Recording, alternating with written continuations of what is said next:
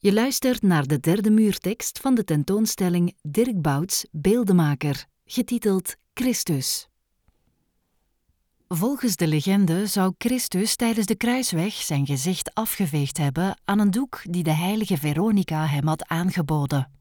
Wonderbaarlijk genoeg bleef nadien op de doek een afbeelding van Christus achter, de zogenaamde Vera-icon of het ware gelaat.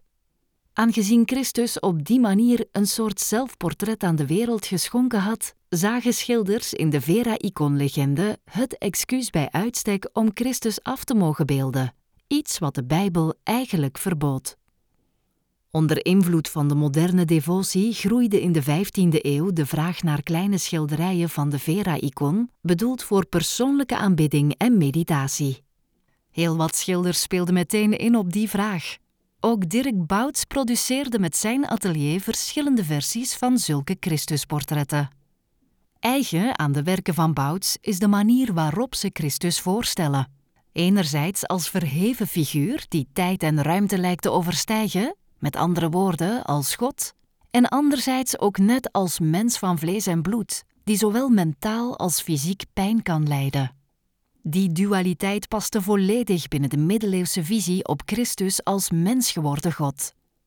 De verhouding van Christus tot het goddelijke en het menselijke werd ook uitgediept in theologische teksten, niet in het minst de geschriften van Nicolaas van Cusa, 1401-1464. Bouts was dus helemaal mee met de eigentijdse filosofie en theologie. Hoewel de westerse wereld heel wat minder godsdienstig geworden is dan tijdens de middeleeuwen, gaan we nog steeds vergelijkbaar om met goddelijkheid en menselijkheid. Topsporters bijvoorbeeld worden soms gezien als halve goden die bovenmenselijke prestaties leveren en zelfs verheerlijkt en verafgood worden.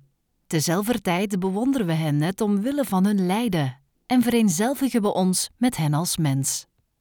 Sportfotografen spelen met die dubbele opvatting door sporters zowel in hun grootsheid als in hun menselijkheid te fotograferen.